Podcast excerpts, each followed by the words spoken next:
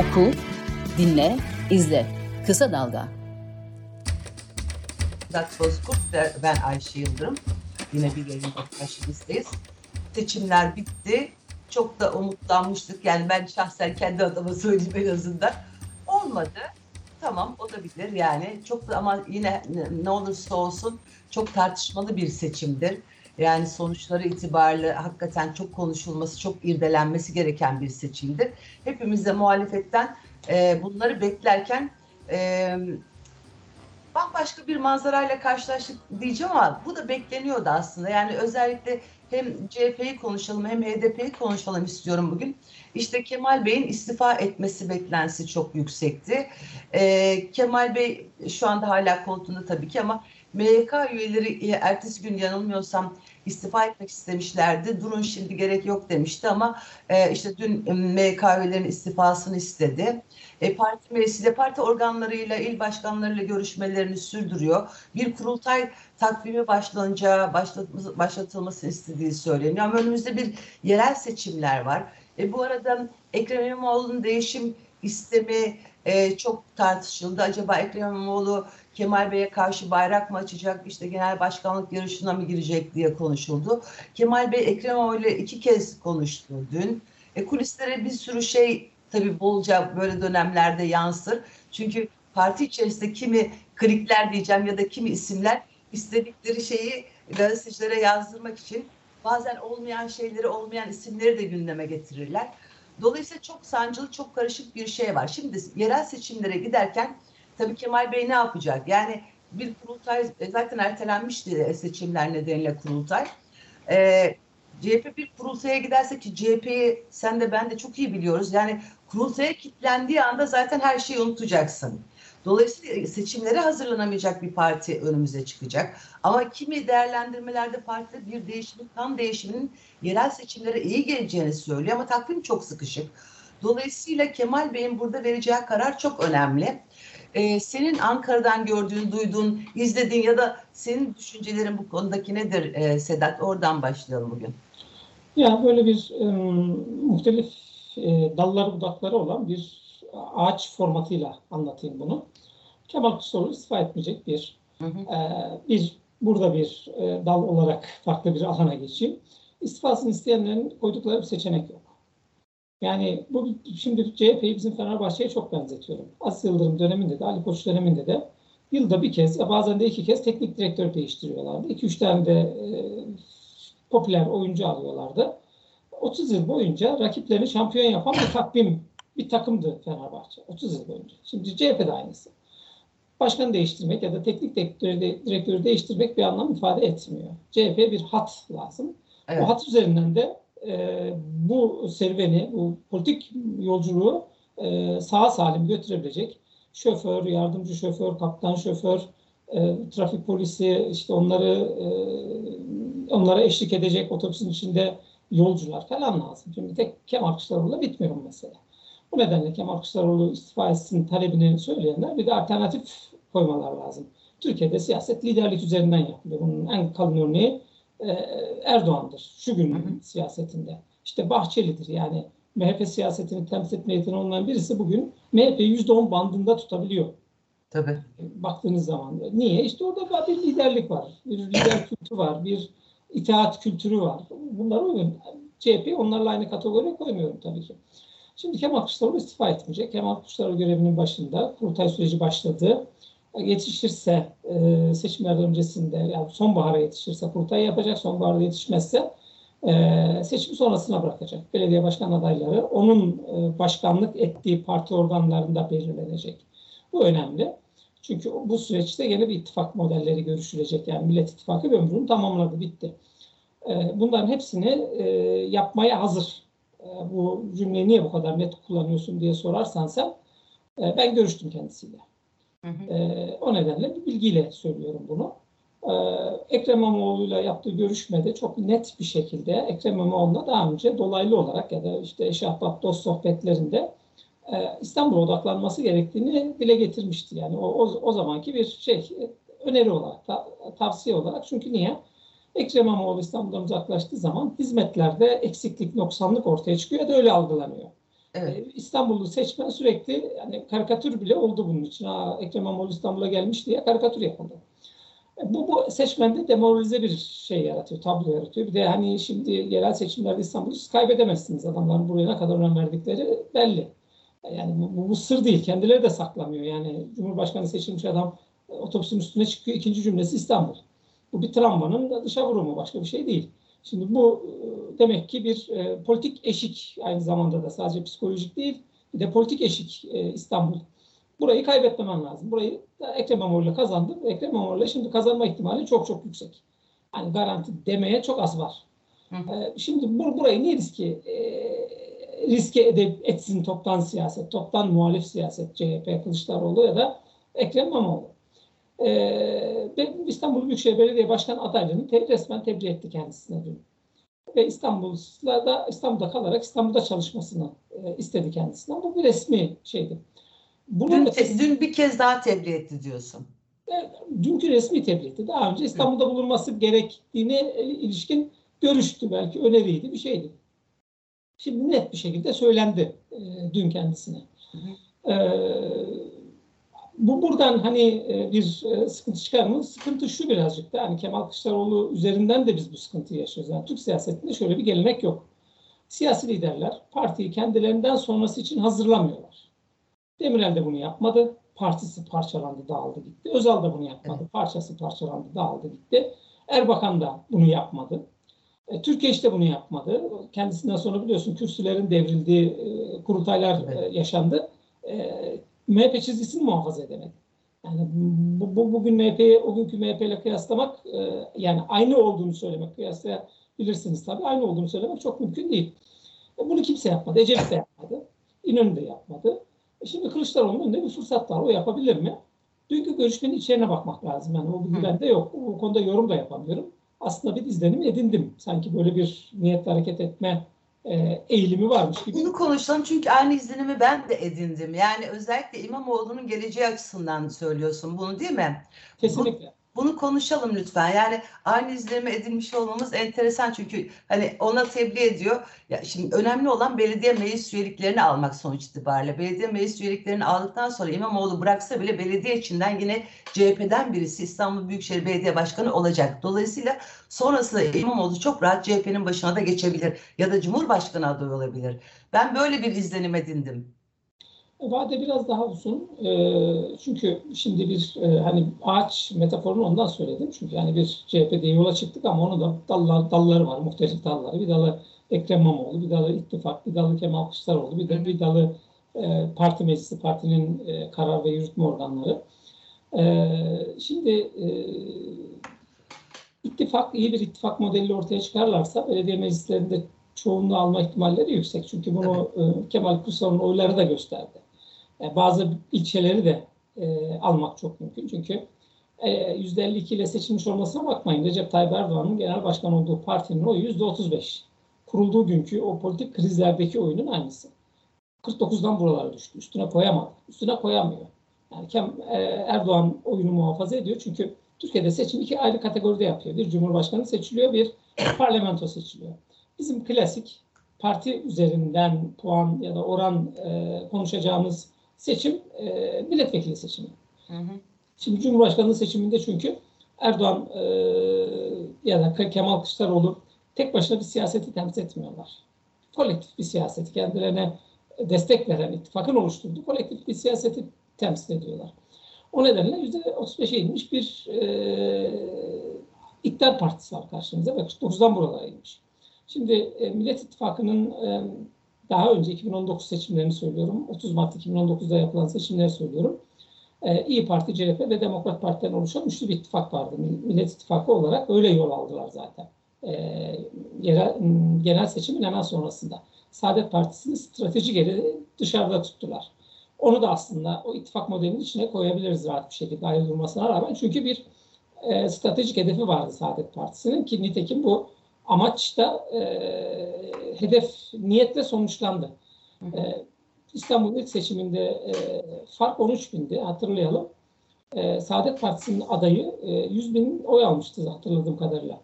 E, şimdi Saadet Partisi orada aday göstermeseydi, Saadet Partisi'nin adayına oy veren 100 bin kişi e, Ekrem İmamoğlu'na mı oy verirdi yoksa Binali Yıldırım'a mı oy verirdi? Bundan emin değiliz. Bana sorarsanız %80'i e, Binali Yıldırım'a verirdi. Kesinlikle. Bu bir stratejiydi. Hatta tekrarlanan seçimlerde aynı adayda gene ısrar etti Saadet Partisi. Yani binde bir oy aldık. Bizim artık orada ne işimiz var demedi. Çünkü Hı hı. o oyu bloke etmek zorunda. O oyu serbest bıraktığınız zaman gideceği adres belli çünkü. Gene ısrar etti. Yani Saadet Partisi'nin de yerel seçimlerde ittifakın dışında kalmış olmasına rağmen bir stratejik işlevi vardı ve bu işlev başarıyla sonuçlandı. Hı hı. Yani Saadet Partisi'nin sadece bu dönem yaptığı çalışmalar üzerinden bir e, yani şey e, teşekkürü hak ediyor değil. Uzun dönemdir bir e, hem diren, direnmesi tek başına zaten bir e, takdiri hak ediyor. Yerel seçimden beri de başlayan bir e, sistematik çalışması var.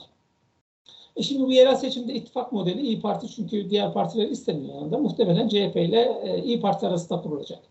Muhafazakar bloktan da bir e, ittifak bloku e, oluştururlar mı? Bunu kim yapar? Bunu Kemal Kılıçdaroğlu yapar. CHP'nin başındaki Kemal Kılıçdaroğlu yapabilir ancak. Öbür tarafta işte HDP siyaseti olarak adlandırdığımız şimdi Yeşil Sol. Parti olarak devam eden Emek ve Özgürlük hareketli bir ittifak modeli oluşturmak zorunda. Bu dönem bu üç ittifakı, daha önce bir ittifak yönetiyordu Kemal Kılıçdaroğlu. Yerel seçimde bu iç, üç ittifakı yönetebilecek tek siyasi figür Kemal Kılıçdaroğlu'dur. Ee, bu Emek Özgürlük İttifakı'nı niye söyledim? Çünkü 2019 seçimlerinde seçim sonuçlarına katkı sağladı. Büyük kentlerde aday göstermedi ve bu karar almayı yani bu süreci e, Millet İttifakı'ndan bağımsız yaşadı. Herhangi bir temasa girmeksizin yaşadı. Kendi iradesiyle ortaya çıktı. Erdoğan rejimine, işte AK Parti mevcut iktidar bloğunu geriletmek ya da burada direnmenin yolundan geçiyor dedi. Büyük kentlerde aday çıkarmadı. Kendi güçlü olduğu yerlerde e, adayını çıkardı. Bu sefer onlar da muhtemelen stratejik hareket edeceklerdir. Hemen ertesi günü Süleyman Soylu'nun alabileceği nitelikte e, adaylar yerine daha sıkı, daha e, zor görevinden alınır ya da devlet adına görevden daha zor alabileceğiniz isimleri listelerine koyabilirler. Bilemiyoruz. Bunun e, işaret fişeğini Selahattin Demirtaş çaktı zaten. E şimdi e, CHP'de hani MYK üyeleri istifa etti. Gene CHP'ye dönelim. Gene ana gövdeye dönelim. Dallara gidip geliyoruz. Çünkü hep buraya bağlı.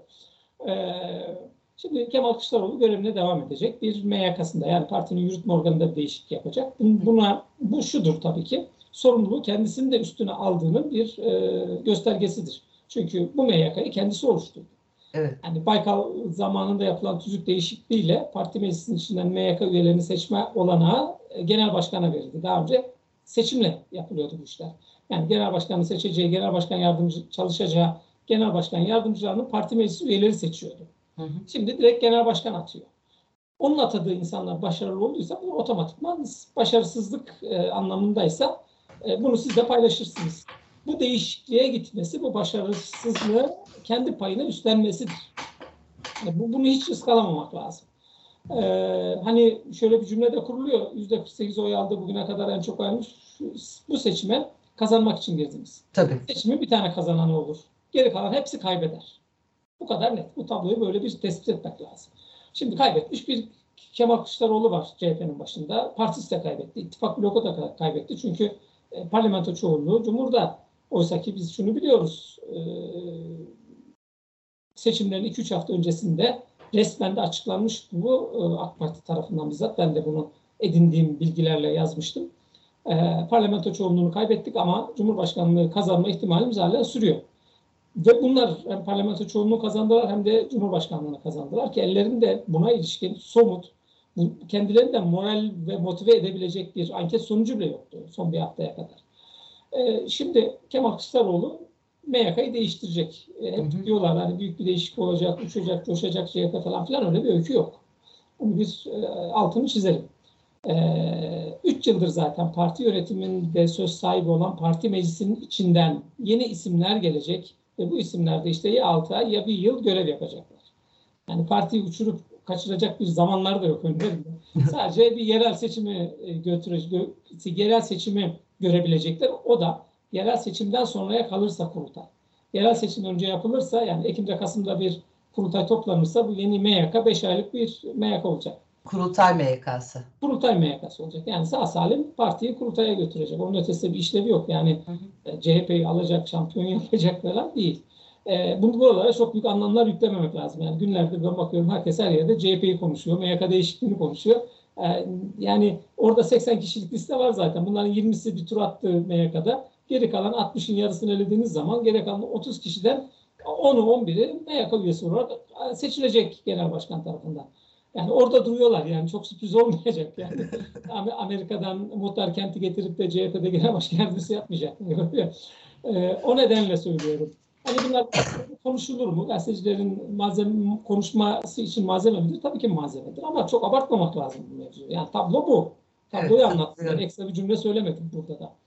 O nedenle hani CHP'de Kemal Kılıçdaroğlu'nun şeyinde gider bu iş. Bütün mesele bu Millet İttifakı mekaniğini çalıştırabilmek. Millet İttifakı'nın yörüngesinde o muhafazakarlardan oluşan ittifak modeline ve e, emek ve özgürlük HDP e, bileşenlerinin, yani HDP siyaseti değil, bileşenlerinden oluşan ittifak blokunu o yörüngede tutarak yerel seçimlerden büyük bir başarıyla, bakın başarı demiyorum, büyük başarıyla çıkmak lazım. Çünkü orası mevcut iktidar için en önemli direnç noktası.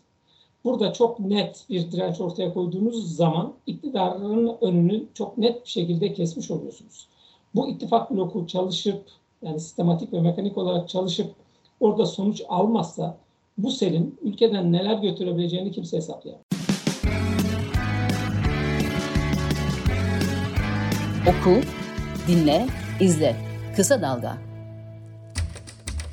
Yani şimdi şöyle bir manzara mı önümüze çıkacak? Bir yanıyla İyi Parti ve CHP'nin birlikte yürüyeceği bir ittifak modeli. Diğer yanıyla hani birkaç günde yazılıyor ki biz onun seçimden önce de e, senle konuşmuştuk.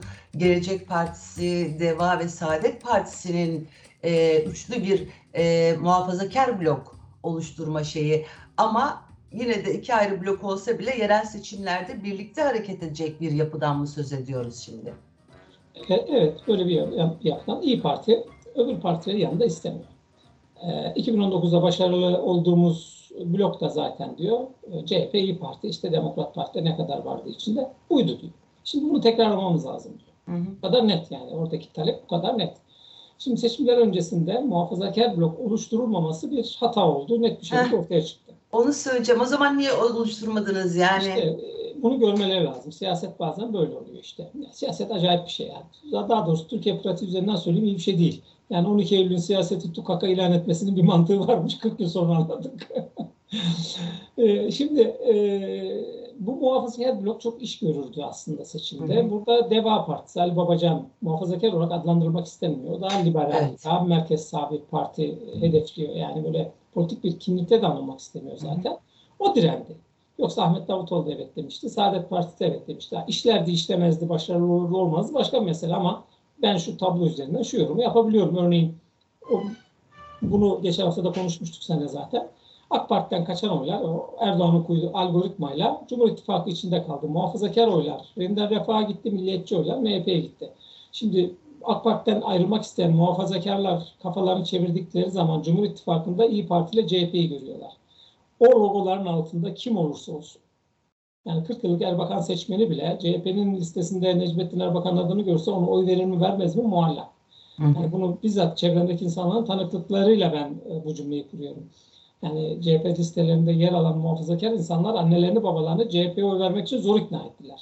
Yani evet. Evlatları için bile zor. E, çünkü bu tarihsel bir ezber.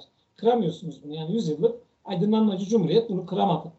Yani bir de Osmanlı'dan beri devam ediyor bu arıza. Yani sadece Cumhuriyet'in ürettiği bir hastalıklı hal değil. E, şimdi burada bir muhafazakar blok olsaydı ve %3, %4 oy alsaydı Millet İttifakı'nın e, oyu, toplam oyu bir 4-5 çıkardı. Bu %4-5'lik oy artışı size neresinden bakarsanız bakın %7, %8'lik bir milletvekili artışı getirirdi. Yani 30'a yakın bir milletvekiline tekabül ediyor. E, bu, bu, bu denenebilirdi. Bunu Erdoğan denedi. Algoritmasını böyle kurdu. Yani Tabii.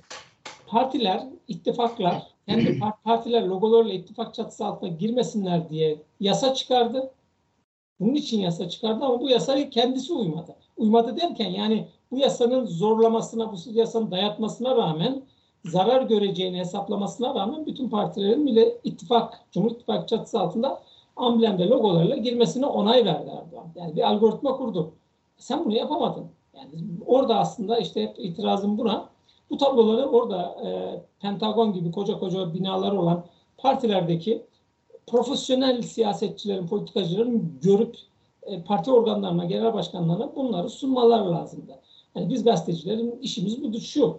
Siyaset bir şey yapar, siyaset bir şey söyler. Önümüze bir takım veriler gelir, sayısal veriler gelir. Bunlar üzerinden biz ahkam keseriz.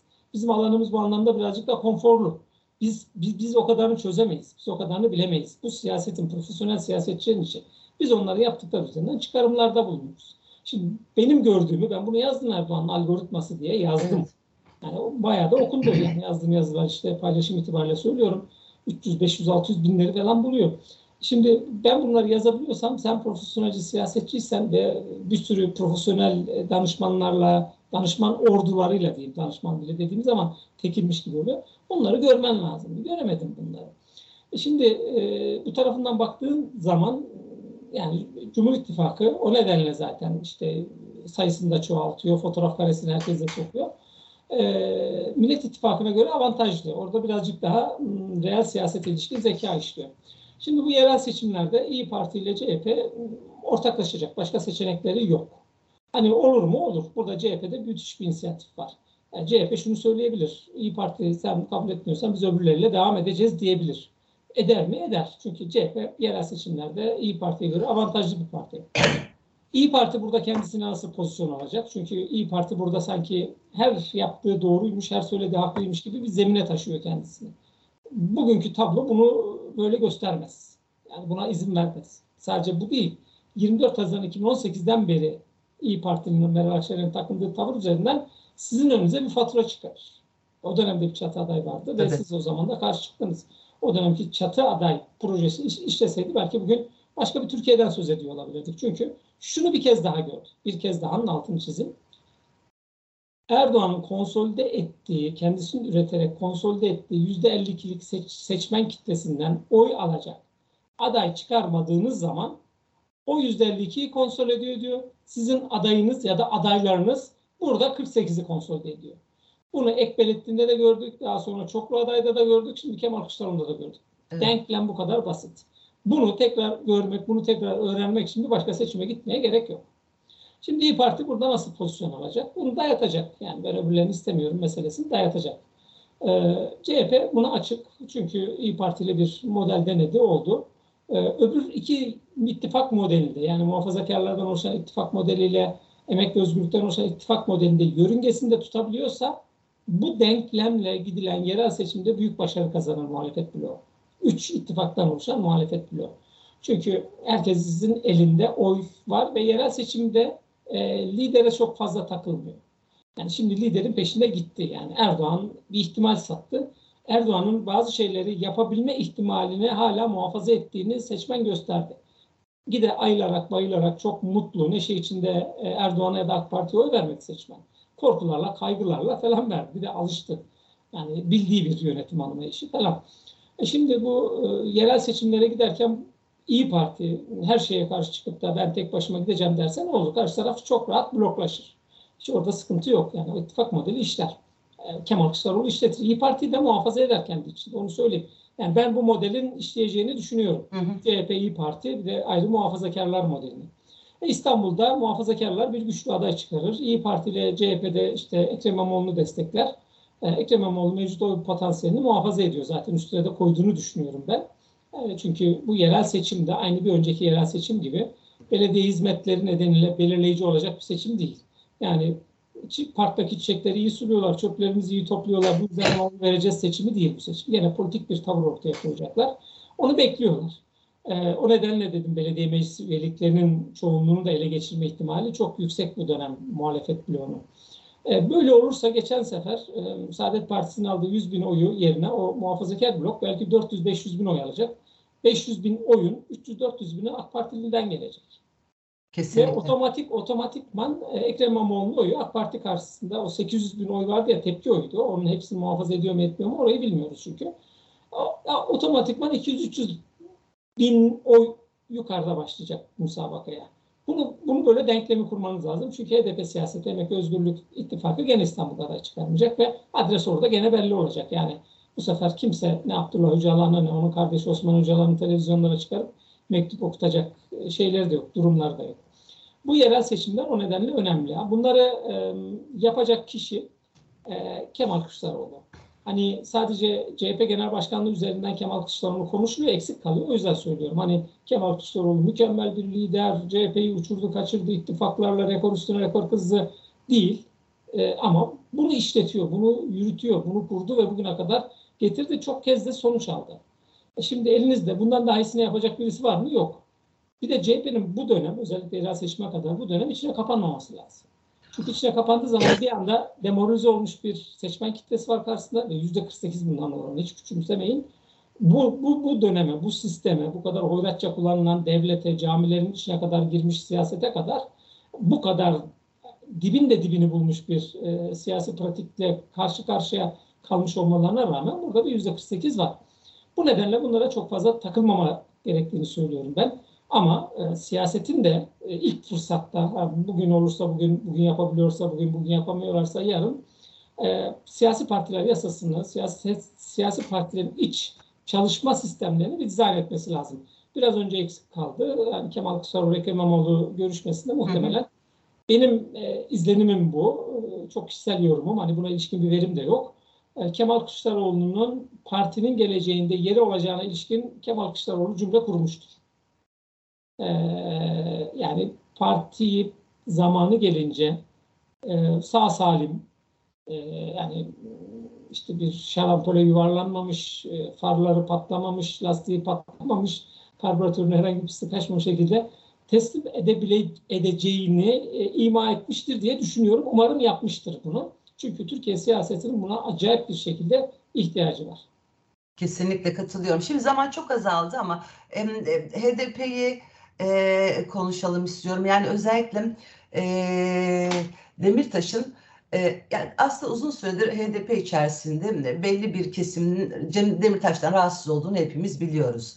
E, fakat işte seçim sonucu Demirtaş'ın o e, verdiği söyleşi ve attığı tweetlerde e, parti yönetimine eleştirileri ki kendisini yalnız bırakıldığında çok açık bir şekilde ifade etti. Gene parti, HDP'de bir e, tartışma çıkardı.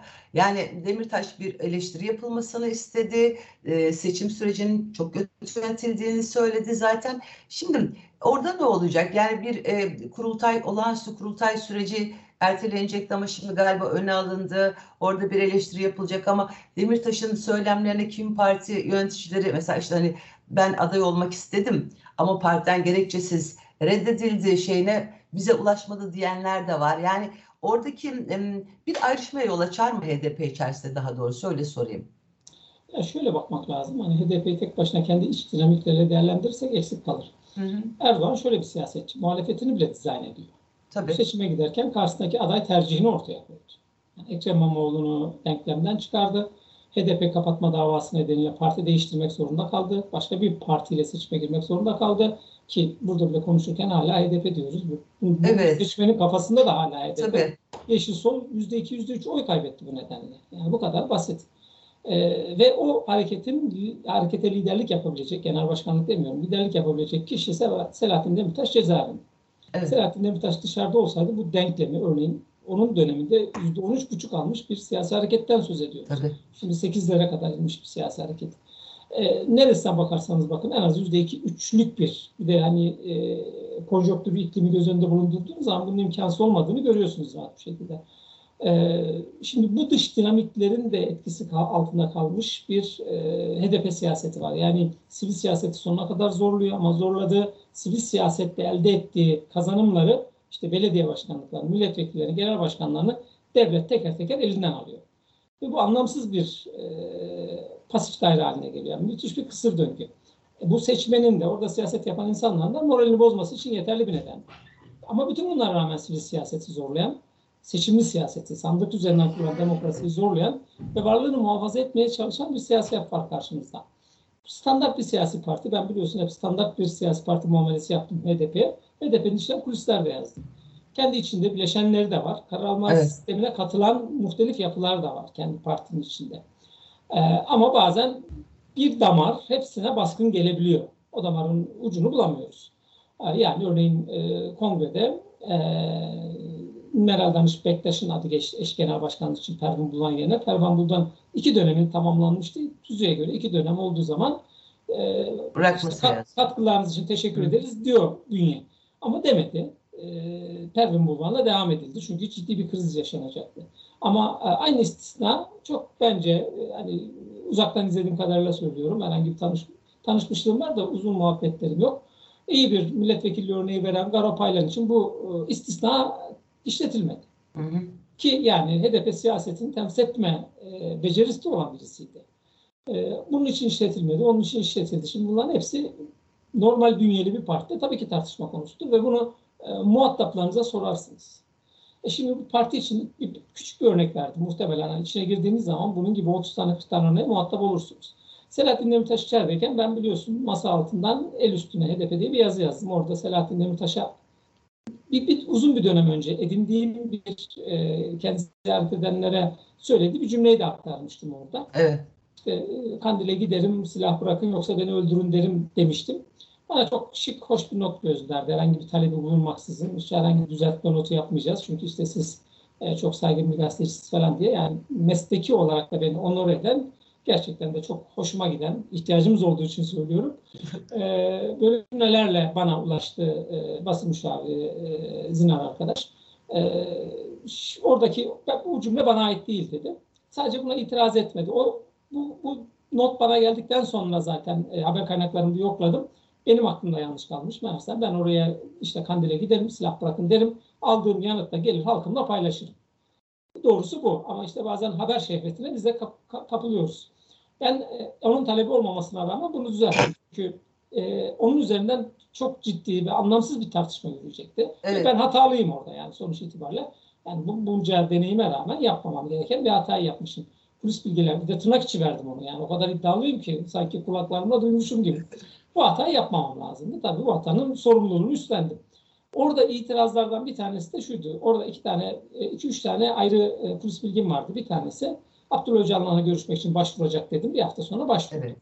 Bir tanesi HDP kadın bir e, Cumhurbaşkanı adayını tartışıyor dedim. Nitekim tartıştılar. E, bir tanesi e, itirazı da gelen e, Selahattin Demirtaş'ı aday yapmayı düşünmüyorlar. Bundaki itiraz bana değildi. Buradaki itiraz partisineydi. Ben anladım.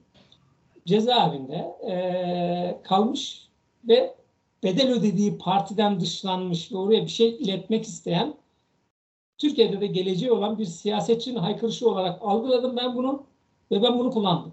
Yani hiç benimle ilgili olma, benimle ilgili değil demedim.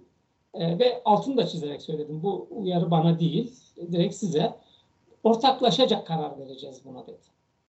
Yani burada talebini ortaya koydu. Yani e, ben de vicdanen şöyle rahatsız oldum. Hani gazetecilik e, kısmını da aşarak vicdanen rahatsız oldum. Benim üzerimden yıllarca emek verdi ve o partide yaptığı siyaset nedeniyle özgürlüğünden, çoluğundan, çocuğundan ayrı bırakılmış bir insana nın sesine ses olmam gerekiyordu. Bu bir itirazdı, bir haksızlık anladığım kadarıyla.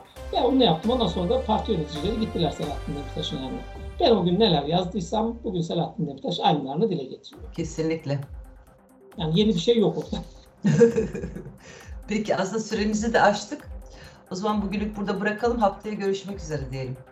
Tamam. Sağ olasın. Hoşçakal. Görüşürüz. Görüşürüz. Hoşçakal.